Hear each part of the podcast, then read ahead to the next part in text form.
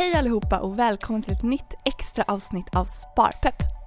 Ja hejsan, idag är det Sara och jag Erika som är här i studion och eh, vi bjuder faktiskt på ett eh, bonusavsnitt idag av eh, Sparpepp och vi har bjudit in våra investeringsstrateger och vi tänkte att de skulle få blicka lite tillbaka på investeringsåret 2018 och berätta lite grann hur det har gått på marknaderna och även såklart blicka framåt 2019.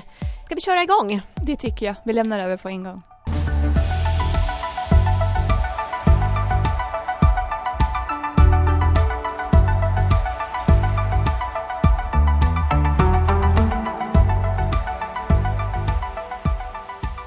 Hej och eh, välkomna till eh, denna podd från Nordea som kommer att ta upp lite grann vad som, eh, vad som faktiskt hände under 2018 men framför allt försöka blicka framåt lite här inför det kommande året. Jag heter Mikael Levin och är chefstrateg på Nordea. Och med mig i studion här har jag också Sebastian Kjellman, strateg på Investments. Hallå! Så, då var introduktionerna klara. Eh, 2018 eh, investeringsmässigt ganska intressant år. Eh, rent avkastningsmässigt så var det ju faktiskt inte alls ett bra år. Egentligen inte för, för eh, något av, av tillgångslagen. Globala aktier i lokal valuta ligger strax under nollan i svenska kronor då eftersom kronan försvagades en del under 2018 så har man fortfarande fått ett par procentenheters avkastning. Men återigen det är ju långt ifrån något ja, klang och, och jubelår för tillgångslaget aktier. Även på räntesidan så har det varit lite, lite motvind. Det är väl framförallt kreditsidan som har tagit eh, lite stryk. Högriskkrediter som till exempel high yield och framförallt tillväxtmarknadsobligationer ligger ju eh, ett par procentenheter minus. Medan lite mer säkrare obligationer som investment grade och statsobligationer har, har eh, Eh, ja, de ligger kring, kring nollan där eller strax över. Och det här är ju ganska intressant för åtminstone i min bok så har det inte känts som det har varit något katastrofår. Sebastian, vad, vad, vad hände egentligen under 2018 där? Jag skulle säga att vi började året eh, alldeles för optimistisk med, eh, med drömmen om den synkroniserade tillväxten som då var slutet på 2017 eh, års buzzword och även gick in 2018. Men sen tror jag att man då både underskattade effekten från avtagande kredittillväxten i Kina men också den effekt som till exempel quantitative tightening eh, tapering i, i USA och tightening från, från centralbanken Fed och även har på, på marknaden i termer av likviditet. Mm. Så att eh, ganska tidigt så såg vi att momentum i Europa började bli sämre. Jag tror att det har mycket att göra med Kina eh, som traditionellt sett brukar bestämma egentligen relativ performance USA och Europa eller ha en väldigt eh, hög sway där och sen så såg vi även då hur efter sommaren tillväxten i Kina började försämras och särskilt på externa data då med export och liknande till Kina som eh, nu ligger under nollan för ett antal stora handelspartners. Mm. Ja, så det var lite det här med, med sämre, sämre ekonomiskt momentum eh, som låg bakom. Det är ju såklart kanske inte hela Eh, hela förklaringen. Det har ju hänt en hel del kring, eh, kring det här året eh, också. Men det är ju inte riktigt det vi ska, ska sitta och, och nysta i här. Utan snarare försöka titta framåt. Och då passar det sig ju ganska bra att kanske fortsätta lite på, på det här ekonomiska spåret. För att i vår sista strategi här som vi släppte i början av december så hade vi titeln Dragkamp. Och det är lite eh, vad vi tror kommer att ske på marknaden under 2019. Just det här som du var inne på Sebastian med eh, ekonomin då på ena ringhörnan och kanske då även centralbankerna i, i, i den andra. Men för att plocka upp lite grann på, på det här du sa med, med Kina att, att eh, den ekonomin har, har eh, tacklat av lite grann här under senare delen av 2018. Eh, hur, eh, hur oroliga ska vi vara inför 2019 där på Kina? Jag är väl den lite mer pessimistiska i gruppen då men eh, jag tycker att det börjar se ganska tufft ut och definitivt så tror jag att det kommer att bli värre innan det blir bättre. Sen har ju Kina nu till exempel börjat dölja en del statistik utan de lite mer obskyra serierna vilket ju är ett tecken då också på att, på att tiderna är lite sämre och det här är ju också som jag sa då så ser jag mycket av den extern data som, som till exempel exportsiffror från andra länder har försämrats ganska kraftigt här och eh, det blir särskilt viktigt att se hur det artar sig nu efter oktober i och med att vi haft delvis en effekt då från eh, eh frontrunning, att man eh, går då innan eventuella tariffer som skulle höjas från USAs håll då eh, första januari så var den sista månaden för egentligen att beställa de här, lägga de beställningarna någonstans i oktober. Och tariffer är ju då eh, tullavgifter, är väl det korrekta ordet på, på svenska, som då vissa länder kan eh, åbelägga andra länders varor. Mm. Men, men det här också med, med, med Kina, det, det är ju väldigt mycket prat om att, att eh, eh, centralmakten, då regeringen eller vad man ska kalla det för. Det är väl lite svårt att skilja, skilja alla de där funktionerna åt.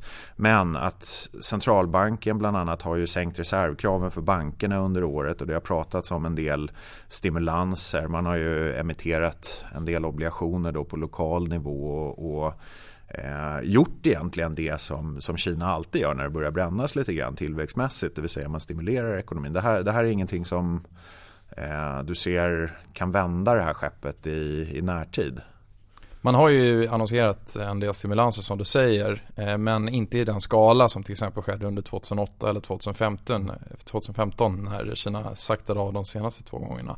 Och eh, dessutom så har ju mycket av de här stimulanserna riktat sig mot konsumentsidan vilket ju förstår lite med att det är, en del av det reformarbete som Kina bedriver där man då vill vikta ner från en investerings och exportdriven ekonomi till en snarare konsumtionsservice-driven. Mm. Men eh, det här är ju dels lite svårare i och med att konsumenten inte är lika lätt att styra som ett statligt ägt kinesiskt, kinesiskt bolag i termer av hur mycket man ska investera och köpa och liknande. Och dessutom så är det ju även mer negativt för emerging markets om Kina då vinklar mot konsumentsidan. För att eh, även om Kina inte har de, eller USAs eh, finansiella kopplingar till resten av världen så är man ett, eh, viktig, eh, ett viktigt land på handelssidan och eh, främsta handelspartner till många länder i, eh, i Asien. Och eh, en väldigt liten del, under 10% av Kinas eh, import skulle jag säga, är eh, konsumentrelaterade produkter och större delen av importerna är ju snarare råvaror och, och verkstadsprodukter, maskiner och liknande. Så att eh, när då Kina viktar om till en konsumentdriven ekonomi och inte eh, stimulerar den investeringssidan lika mycket så blir ju det eh, negativt för emerging markets. Så att även om det då skulle hjälpa Kinas inhemska tillväxt så blir det inte lika positivt som övriga emerging markets 2008 och eh, 2015 och samma på råvarusidan då i och med att det, där är Kina en viktig spelare. Mm. Mm. Ja, det, det verkar ju som att vi får, vi får leva med Kina eh, under 2019 också. Det, det här har ju varit eh, mer eller mindre ett eh, årligt eh, samtalsämne när man gör de här, eller försöker göra de här utblickarna sen åtminstone då tidigt, tidigt 2000-tal. Kina kommer fortsätta vara, vara, vara en central spelare även under nästa år. Eh, går vi över till Europa så, ja, eh, som du nämnde här tidigare så första halvåret 2018 var ju inte kul på på makrosidan i Europa. Det var rätt mycket som, som eh, dök där, framförallt framåtblickande indikatorer. Och det börjar nu komma ikapp Europa och tillväxten har ju tacklat av lite grann där. Eh, det som marknaden funderar på eller fokuserar på ska jag säga framöver det är ju lite grann vad som kommer att hända nu när ECB, den europeiska centralbanken eh, börjar med sina eh, quantitative Eh, tightening. Eh, tidigare hade vi kvantitativa lättnader, nu blir det lite kvantitativa åtstramningar då där de, där de eh, eh, tar bort de här obligationsköpen från och med årsskiftet som, som har drivit på bland annat likviditeten en hel del. Och samtidigt också så som du sa, Europa eh, är ju ganska beroende av, av, av Asien då och Kina. Så att eh, finns det Finns det anledning att oroa sig lite där också kanske? Jag tror definitivt att man ska vara orolig, särskilt ett land som till exempel Tyskland men även Sverige om, om Kinas tillväxt avtar i och med att det är två väldigt exportberoende ekonomier och särskilt beroende av tillväxten i Asien, i alla fall på marginalen i och med att det är den största tillväxtmarknaden. Så att i och med att då Kina sätter i stort sett tillväxtriktningen för resten av Asien också, i alla fall de mer handelsdrivna ekonomierna, till exempel Korea, Singapore, Hongkong och liknande, så, så påverkar ju det hela Asiens eh, efterfrågan då på, på importsidan och därmed till exempel Sverige och Tyskland. Mm. Ja, det, det är spännande. Jag kan ju tillägga då att eh, Europa både 2017 och även 2016 hade ju eh, en, en litet så skutt i, i tillväxten där regionen faktiskt växte eh, mer än vad bland annat USA gjorde. Eh, och även om siffrorna då eh, för eh, 20, 2019 kommer att bli lägre än 2018, för det kommer de att bli, så ligger ju fortfarande Europa, eh, åtminstone än så länge, Eh, över den potentiella tillväxttakten. Så återigen, det är ju väldigt lätt att fokusera här på riktning istället för nivå. Eh, men riktningen är väl, eh, är väl definitivt ner i Europa men nivån är, är eh, fortfarande hygglig. Men eh, vi kommer som sagt få, få återvända till den här ekonomiska dragkampen som, eh, som råder. Eh, vilket för oss in lite grann på, eh, jag ska inte säga elefanten i rummet för det är det inte, men det är dock världens största ekonomi i USA. Eh, hur ser det ut där? Det har ju varit full rulle i den amerikanska ekonomin här eh, sen Trump fick igenom sina, sina skattesänkningar och budgetdeals och allt vad det var i början av året. Ja, man kan ju inte förneka att USA under 2018 överraskat väldigt positivt på, på tillväxtsidan vad gäller ekonomiska data.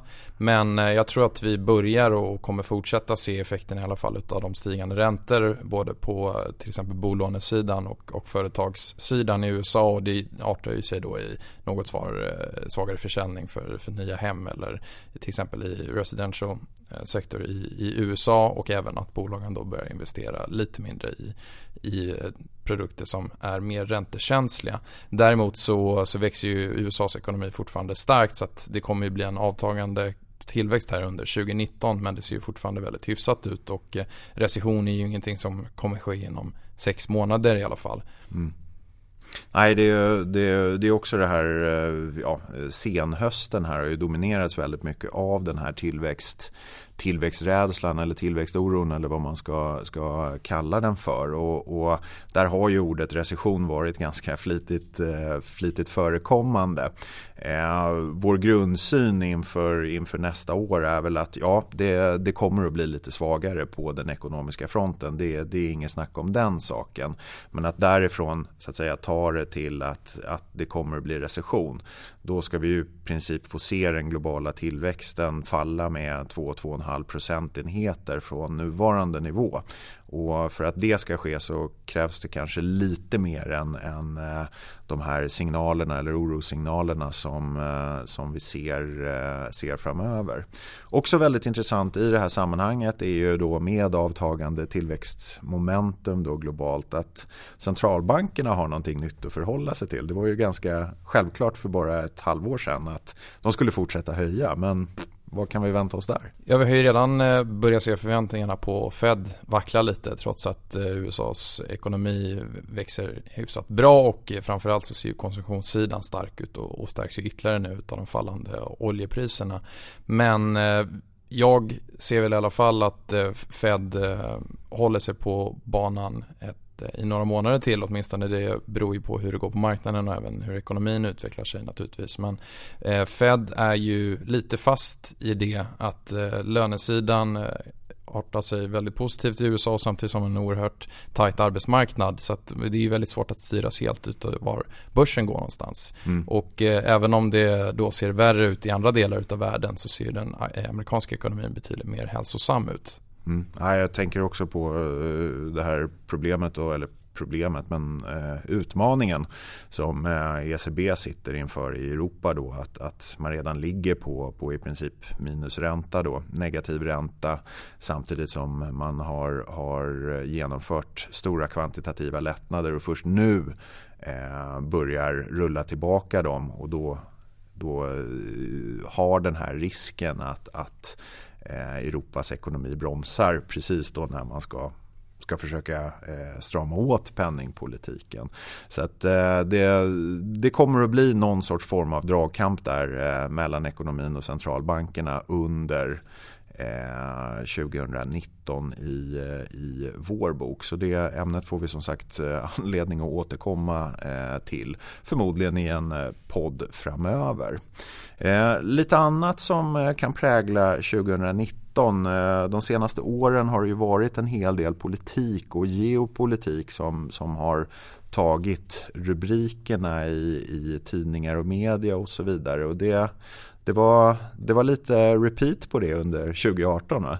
Ja det kan man verkligen säga och eh, det tenderar ju att återkomma. Geopolitik är ju något som är väldigt kul att prata om. Jag brukar alltid ifrågasätta marknadsrelevansen på lite längre sikt även om marknaden kan reagera kortsiktigt och, eh, och så även eh, i år då skulle jag vilja säga. Så att marknaden gillar ju att skylla till exempel marknadsgångar på specifika händelser. Låt säga handelskriget. I det här fallet så ser jag handelskriget särskilt, även det finns många andra frågor som Italien och Brexit som lite av en red herring eller något som marknaden då gillar att fokusera på och även skylla marknadsnedgången på eller volatiliteten. Men i det här fallet så är det nog mer utav en trigger och den underliggande drivkraften är egentligen det svagare ekonomiska momentum och svagare likviditet då exempelvis. Och eh, man kan ju framea det så här att många marknadsaktörer säger ju att, ja, eller ser i alla fall på det sättet att om, om handelskonflikten då skulle lösas och vi får en absolut fred mellan USA och Kina så skulle marknaden på något sätt återhämta sig fullständigt. Eh, jag skulle säga att det krävs en väldig massa andra saker för att driva marknaden uppåt eller problemera den framåt. För att eh, tar man handelskriget då så började ju Kinas data eller ekonomiska momentum förvärras Eh, bra mycket tidigare än handelskriget eskalerade. Och det vi ser i Kina nu är ju drivet utav den avtagande kredittillväxt som inleddes då under 2017 innan handelskriget eskalerade. Och eh, naturligtvis har det förvärrats utav av konflikten med USA i och med att det sänker sentimentet på marknaden. Men det är absolut inte den främsta drivkraften till det här. Och eh, tar man realekonomiska effekten av det här om man tittar på tarifferna som har, som har lagts på så är det en väldigt del av global BNP och liknande och även om det har en viss påverkan på sentimentet så, mm. så tror jag inte att eh, den globalt svagare eh, tillverkningssektorn heller är särskilt driven av det här. Nej, nej så att uh, kanske lite, lite större rubriker än, än real påverkan. Men uh, vi kommer få se mer 2019 av, av uh, handelskriget, eller hur? Ja det tror jag definitivt. Och, eh, och, och därmed inte sagt att vi inte kan få någon form av lösning mellan Kina och, och USA. Eh, jag spenderade halva podden här senast med att prata om det här så jag ska inte dra ut på det allt för länge. Men eh, man skulle ju kunna säga så att eh, den strategiska konflikt mellan USA och, och Kina som, eh, som pågår nu lär eskalera under kommande år, under kommande decenniet. Däremot så är ju tariffer ett, ett ganska trubbigt instrument och något som skadar både den kinesiska och amerikanska ekonomin. Och eh, bland de eh, varor som eh, fanns kvar att lägga tariffer på från USAs håll så var ju väldigt mycket av det konsumentprodukter. Och det är ju någonting som Trump naturligtvis undviker i den första rundan och nu blir lite räddare då med en ekonomi som ser lite svagare ut och samtidigt så närmar sig eh, valet 2020. Men eh, så jag skulle vilja säga att det åtminstone finns 50-50 chans att vi kan eh, få någon, något form av avtal vad gäller tarifferna. Men det kommer förmodligen att förflytta sig mot mer kirurgiska ingrepp för att kärnan av hela den konflikten är egentligen det teknologiska ledarskapet och särskilt Kinas plan då som heter Made in China 2025 som är ett, eh, ja egentligen eh, de ska ta över världen. Ja, ungefär. Eh, nästan åt det hållet i alla fall. Men ett memorandum då med ett antal målsättningar om att dominera eh, särskilt eh, tekniktunga tillverkningsindustrier eh, som, som smarta bilar eller industrirobotar. Och eh, den här konflikten eh, har ju eh, artat sig väldigt många gånger genom historien med en, en dominant stormakt som hotas av en eh, up and coming. Och det talar ju för en väldigt lång konflikt och det är även så att Kina kommer väldigt svårt att släppa de här målen i och med att styrets allra högsta rädsla är att man ska fastna i något som heter middle income trap. Eller det vill säga att Kina inte lyckas fortsätta mm. bibehålla den här höga tillväxten man har haft. Och på tillväxten så hänger egentligen hela det kommunistiska styrets eh, maktposition. Så att tar man inte Kina vidare och lyckats klättra upp i värdekedjan för att de har inget intresse av att fortsätta vara eh, världens produktions, ja, eller världens ja. fabrik vill de vara men i alla fall inte för t-shirtar och leksaker utan de vill klättra uppåt i, i, i värdekedjan. Och därmed så kommer Kina aldrig mer på pappret att släppa det där.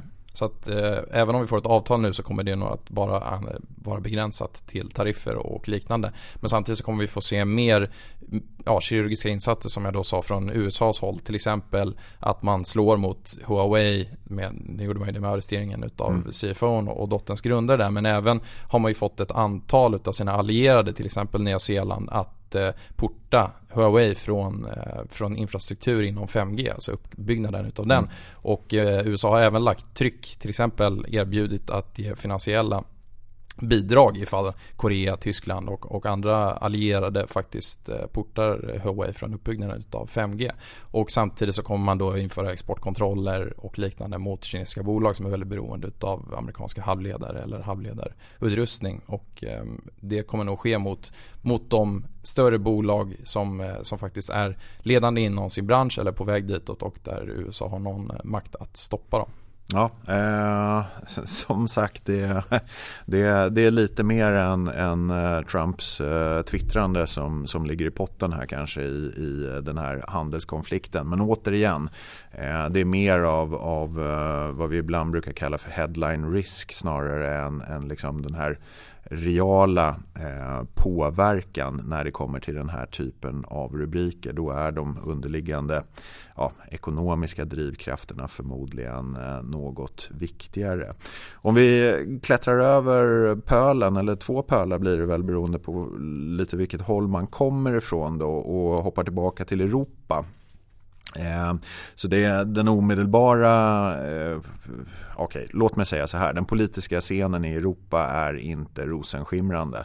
Eh, det kan vi vara överens om. Det, det första som, som kommer upp här nu är ju såklart Brexit som får en hel del uppmärksamhet. Britterna har ju då efter snart två år ännu inte lyckats komma ihop sig till någon samlad position mot EU och den 29 mars 2019 närmar sig. Det är faktiskt bara 100 dagar kvar och något avtal finns inte på plats. Och eh, det är väl en, en liten risk att de eh, kanske kommer att lämna EU utan något, något avtal. Nu har eh, Storbritannien då Eh, de ska rösta om den här dealen de har förhandlat sig till i början av januari. Men ehm, ja, skulle det inte gå igenom så, så kan det väl bli en del skak där på, på, på den scenen i varje fall. Eh, oklart lite grann hur eh, det kommer att, att, drabba på, på tillgångssidan. Eh, hittills så har ju mycket av den här brexitkonflikten tagits ut via ett svagare pund. Så har man haft då till exempel en investering i brittiska aktier så har man ju fått igen det här tappet eh, på det svagare pundet då via högre vinster i bolagen och således också högre aktiekurser. Så brittiska aktier har ungefär gått som europeiska aktier eh, sen eh, sen Brexit då, eh, sen de röstade om Brexit 2016. Det finns även en del andra sådana här små, små grejer som ligger och puttrar i Europa. Italien ska vi inte eh, kanske dyka allt för djupt eh, i. Eh, men det har blivit lite friktioner där under hösten som givetvis har spett på det här dåliga sentimentet på, på marknaden. Och till syvende och sist, eller ja, till sist så, så har det blivit lite protester i Frankrike också som, som har fått en del uppmärksamhet. Kort sagt eh, så kan vi säga att, att den politiska scenen i Europa det är lite av en våt filt. Enskilt så kanske de här riskerna inte kan rubba marknaden men eh, när, när de blir fler och fler sker så, så det är ju klart att, att eh, marknaden drar, drar öronen åt sig.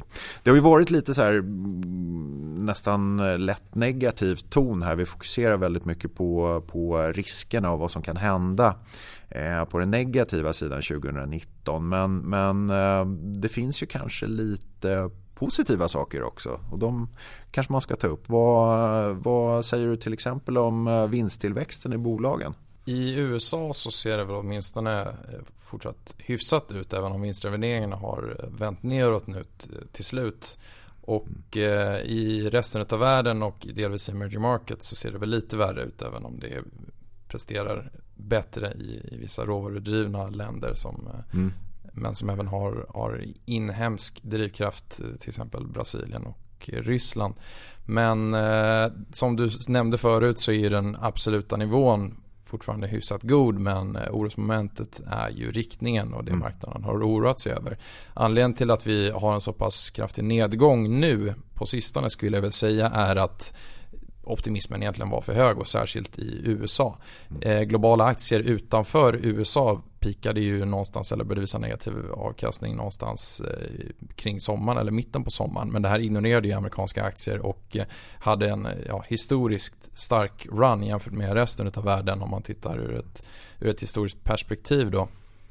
Och eh, jag tror att nu när den pessimism eller lite rädsla för globala tillväxten och eh, likviditet liknande som drabbade resten av världen redan under våren men framförallt under sommaren har nått USA så blir det en snabb catchdown och mm. samtidigt så följer vinstrevideringarna med då och det marknaden blir rädd för är att man inte vet var botten någonstans på revideringarna eller var vinstförväntningen för 2019 bottnar någonstans utan nu pekar ju just den, den kurvan rakt neråt men samtidigt så är det inte så att den kommer att krascha rakt till noll utan det handlar ju bara om att marknaden måste omkalibrera egentligen sina förväntningar inför 2019. Ja, nej, för 2018 just var ju eh, ett fantastiskt år på, på vinstsidan med global vinsttillväxt på över 15 procent. Låg väl över 25 procent i USA, delvis drivet av de här skattesänkningarna såklart. Men eh, för att återvända till det vi sa i början av podden här eh, aktiekursmässigt eller avkastningsmässigt så har man i princip inte fått någonting i år utan hela den här vinsttillväxten den har ju tagits ut i en lägre värdering på tillgångslaget aktier aktier och det gäller ju över, över alla regioner. Och eh, någonstans runt 17 procent eh, så har ju värderingen sjunkit då under 2018. Vilket gör eh, att ja, värderingsmässigt ser vi väl inte så, så stora hinder för fortsatta uppgångar men värderingen i sig är ingenting som kommer att driva här framöver utan det har eh, åtminstone för aktier en hel del att göra med, med hur vinsterna utvecklar sig och där blir det en normalisering under 2019. Det kommer inte bli några 15 vinsttillväxt utan eh, säg att man kanske kan räkna med 5-7 vinsttillväxt i bästa fall. Eh, men återigen i absoluta tal så kommer vinsterna med största sannolikhet att öka även eh, under 2019. Och det för oss fram lite grann till, eh, till egentligen något sorts avslut på, på dagens podd och det är lite grann vad vi, vad vi kan vänta oss av, av 2019. Det är livsfarligt att komma med, med hårda prognoser men, men Eh, vad ser vi där egentligen? Är det, blir, det ett, eh, blir det ett bra år eller vad säger du? Det kommer naturligtvis att bero helt på hur eh, ekonomin artar sig och här på kort sikt så tror jag att det kommer vara fortsatt skakigt och eh, särskilt baserat då på den här i alla fall på kort sikt negativa synen på Kina som mm. kommer att skaka om särskilt i Asien men även bidra till lite svaghet i Europa. Och det beror ju även på om vi kan få en ny drivkraft uppåt. Så att eh, anledningen till att vi hade så pass kraftig tillväxt under 2017 är ju att vi hade både positiv stimulans i västvärlden men också ett Kina där den eh, laggande effekten från kreditväxten drev upp då eh, den ekonomiska tillväxten i, Asien och Europa. Och än så länge har vi inte sett exempelvis kredittillväxten vända i, i Kina även om vissa mått har börjat stabiliseras men samtidigt så är det den laggande effekten vi ser nu och det krävs då att vi får ett nytt uppsving egentligen för att det ska bli en positiv eh, faktor för den, för den globala tillväxten. Ja, det är, det är lite, lite roligt så här då i slutet av året när man ska börja fundera på vad, vad som kommer hända, hända nästa år. Att, att uh, hur förutsättningarna kan uh, ja, spela dig ett spratt. För som du sa, vi gick ju in i 2018 med kanske en överdriven optimism och all, alla kurvor pekade uppåt. Och eh, det är ju inte så att vi har hamnat i någon krasch under, under det här året, långt ifrån. Eh, men ändå så avkastningsmässigt så blev det i princip ett, ett, ett nollår för, för de flesta tillgångslag. Och ska vi ha någon sorts form av, av eh, prognos eller uppskattning av, av 2019 så är det väl att eh, man kanske inte ska förvänta sig allt för mycket utan vi har de här grundförutsättningarna att det är en lite svagare ekonomi, det kommer att vara en lägre vinsttillväxt.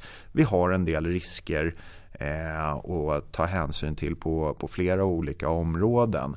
Eh, men återigen, att därifrån dra eh, scenario till att det kommer att bli recession, det tycker vi är att gå lite för långt. Så att, eh, ja, eh, måttlig avkastning eh, i, eh, i bästa fall under Eh, under nästa år på aktiesidan. Räntesidan ännu svårare att, att, eh, ha en stark uppfattning om men eh, räntorna är fortsatt låga och trots då ett par år med ganska god tillväxt och ja, åtstramningar från framförallt Fed så, så räntorna har ändå haft svårt att stiga åtminstone kraftfullt utanför USA. Och det är någonting vi också funderar på lite grann här under, under 2019 att eh, riktningen är väl kanske, kanske lite svagt, svagt, svagt uppåt men, men eh, definitivt inte någon, någon kraftigare rörelse. Vilket då självklart begränsar förutsättningarna även på, på räntesidan. Så mm, ja, eh, måttliga förutsättningar för 2019 skulle vi kunna sammanfatta det så. Ja det skulle jag säga beskriver det hela bra. Ja. Härligt. Eh, vi kommer givetvis att följa upp det här med eh, kommande poddar. Eh, det kommer att hända mycket på, på marknaden 2019 också. Och eh, fram till dess så får vi önska ett gott avslut på, eh, på 2018 och hoppas att 2019 blir just måttligt eller kanske till och med lite bättre. Tack för oss. Hej då. Ja men det där var ju väldigt spännande att höra hur året har varit och kanske lite hur det kommande året kan se ut. Som sagt, det är nytt år snart och eh, vi tar ett litet juluppehåll med Sparpepp men är tillbaka i början av nästa år igen. Precis, det blir spännande att se vad det nya året har att eh, komma med. Men har ni idéer på vad ni vill höra här i podden nästa år, då får ni jättegärna mejla till oss på sparpepp.nordea.se. Och med de orden så får vi önska god jul och ett riktigt gott nytt år.